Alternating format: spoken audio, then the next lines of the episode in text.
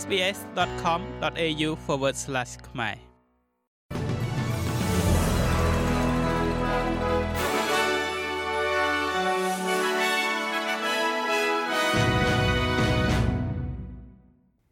ចាសសូមស្វាគមន៍មកកាន់នេតិព័ត៌មានខ្លីៗរបស់ SBS ខ្មែរសម្រាប់ថ្ងៃប្រហ័សទី30ខែវិច្ឆិកាឆ្នាំ2023 អតីតអ្នកការទូតអាមេរិកលោក Henry Kissinger បានទទួលមរណភាពនៅក្នុងជំនមាយុ100ឆ្នាំលោក Kissinger គឺជារដ្ឋមន្ត្រីការបរទេសសហរដ្ឋអាមេរិកពីឆ្នាំ1973ដល់ឆ្នាំ1977ក្រោមការដឹកនាំរបស់លោកប្រធានាធិបតី Richard Nixon និងលោក Gerald Ford ហើយបានបម្រើការនៅមុននោះក្នុងនាមជាទីប្រឹក្សាសន្តិសុខជាតិ ដែលផ្ដល់ឲ្យលោកនៅឥទ្ធិពលយ៉ាងសំខាន់នៅក្នុងគោលនយោបាយការបរទេសរបស់សហរដ្ឋអាមេរិកអស់រយៈពេលមួយទសវត្សរ៍លោក Henry Kissinger បានទទួលរង្វាន់ Nobel សន្តិភាពនៅក្នុងឆ្នាំ1973សម្រាប់តួនាទីរបស់លោកនៅក្នុងដំណើរការសន្តិភាពដែលបានបញ្ចប់សង្គ្រាមនៅក្នុងប្រទេសវៀតណាមនៅឯមជ្ឈមបូព៌ាវិញ ក្រុមហាម៉ាស់បានដោះលែងចំណាប់ខ្មាំង16នាក់បន្ថែមទៀតនៅថ្ងៃចុងក្រោយនៃបទឈប់បាញ់ជាបណ្ដោះអាសន្នដែលបានពន្យាពេលបន្ថែម នៅក្នុងសង្គ្រាមរបស់ខ្លួនជាមួយនឹងអ៊ីស្រាអែលនៅកាហ្សាគេដឹងថាក្រុមចុងក្រោយនេះរួមមានជនជាតិអ៊ីស្រាអែលអ្នកកាន់សញ្ជាតិ2និងពលរដ្ឋថៃ អ្នកនាំពាក្យក្រសួងការបរទេសកាតាលោក Majid Al-Ansari បាននិយាយនៅក្នុងសេចក្តីថ្លែងការណ៍មួយថាអ៊ីស្រាអែលនឹងដោះលែងអ្នកទោសប៉ាឡេស្ទីន30នាក់អនិច្ចជន16នាក់និងស្ត្រី14នាក់នៅយប់នេះដែលជាផ្នែកនៃកិច្ចព្រមព្រៀងដោះដូរនៅក្រោមបទឈប់បាញ់នេះការពិភាក្សានៅតែដំណើរការដើម្បីបន្តបទឈប់បាញ់បន្ថែមទៀតប៉ុន្តែលោកនាយករដ្ឋមន្ត្រីអ៊ីស្រាអែល Benjamin Netanyahu បានប្រកាសថា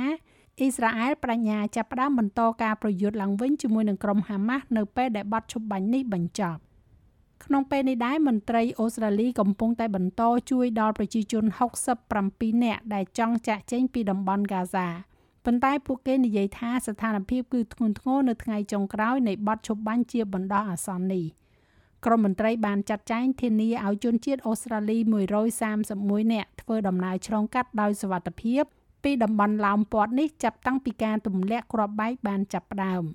អ្នកដែលបានចាក់ចេញទៅបានជួបជាមួយនឹងមន្ត្រីអូស្ត្រាលីនៅព្រំដែនអេស៊ីបហើយបានផ្ដល់ការធ្វើដំណើរបន្តទៅកាន់រដ្ឋធានីខេរ៉ូជាទីដែលពួកគេទទួលបាននៅសម្ភារៈចាំបាច់ជាច្រើនទៀតដូចជាកន្ទោបម្សៅទឹកដោះគោសម្រាប់ទារកកន្លែងស្នាក់នៅនិងជំនួយឲ្យវិលត្រឡប់ទៅផ្ទះវិញ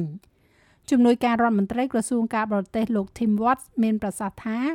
វានៅតែមានការលំបាកខ្លាំងសម្រាប់ប្រជាជនអូស្ត្រាលីដទៃទៀតនៅក្នុងការចាក់ចេញពីកាហ្សាប៉ុន្តែមន្ត្រីកុងស៊ុលកំពុងប្រឹងប្រែងអស់ពីលទ្ធភាពដើម្បីជួយដល់ពួកគេ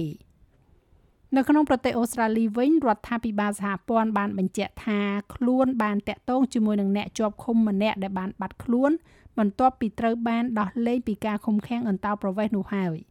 ការបាត់ខ្លួនរបស់អ្នកជាប់ឃុំរូបនេះបានបង្កឲ្យមានសង្គ្រាមពាក្យសម្ដីរវាងរដ្ឋាភិបាលលោក Albanese និងបកប្រឆាំងជំវិញការឆ្លើយតបដ៏សមស្របទៅនឹងសេចក្តីសម្រេចរបស់តុលាការជាន់ខ្ពស់ដែលថាការឃុំខ្លួនគ្មានកំណត់គឺខុសច្បាប់រដ្ឋាភិបាលបានដាក់បញ្ចូលគ្នាយ៉ាងរហ័សនៅសេចក្តីព្រាងច្បាប់ដែលពួកគេសង្ឃឹមថា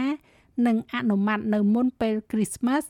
ដែលនឹងបញ្ជូនអ្នកខ្លះដែលត្រូវបានដោះលែងនោះឲ្យចូលទៅក្នុងមន្ទីរឃុំឃាំងវិញ។ ទង្វើនេះបានជំរុញឲ្យមានការថ្កោលទោសពីក្រមសិទ្ធិមនុស្សដោយលោកមេធាវី David Manny អះអាងថារដ្ឋាភិបាលមិនបានរៀនសូត្រពីមេរៀនរបស់ខ្លួននោះទេ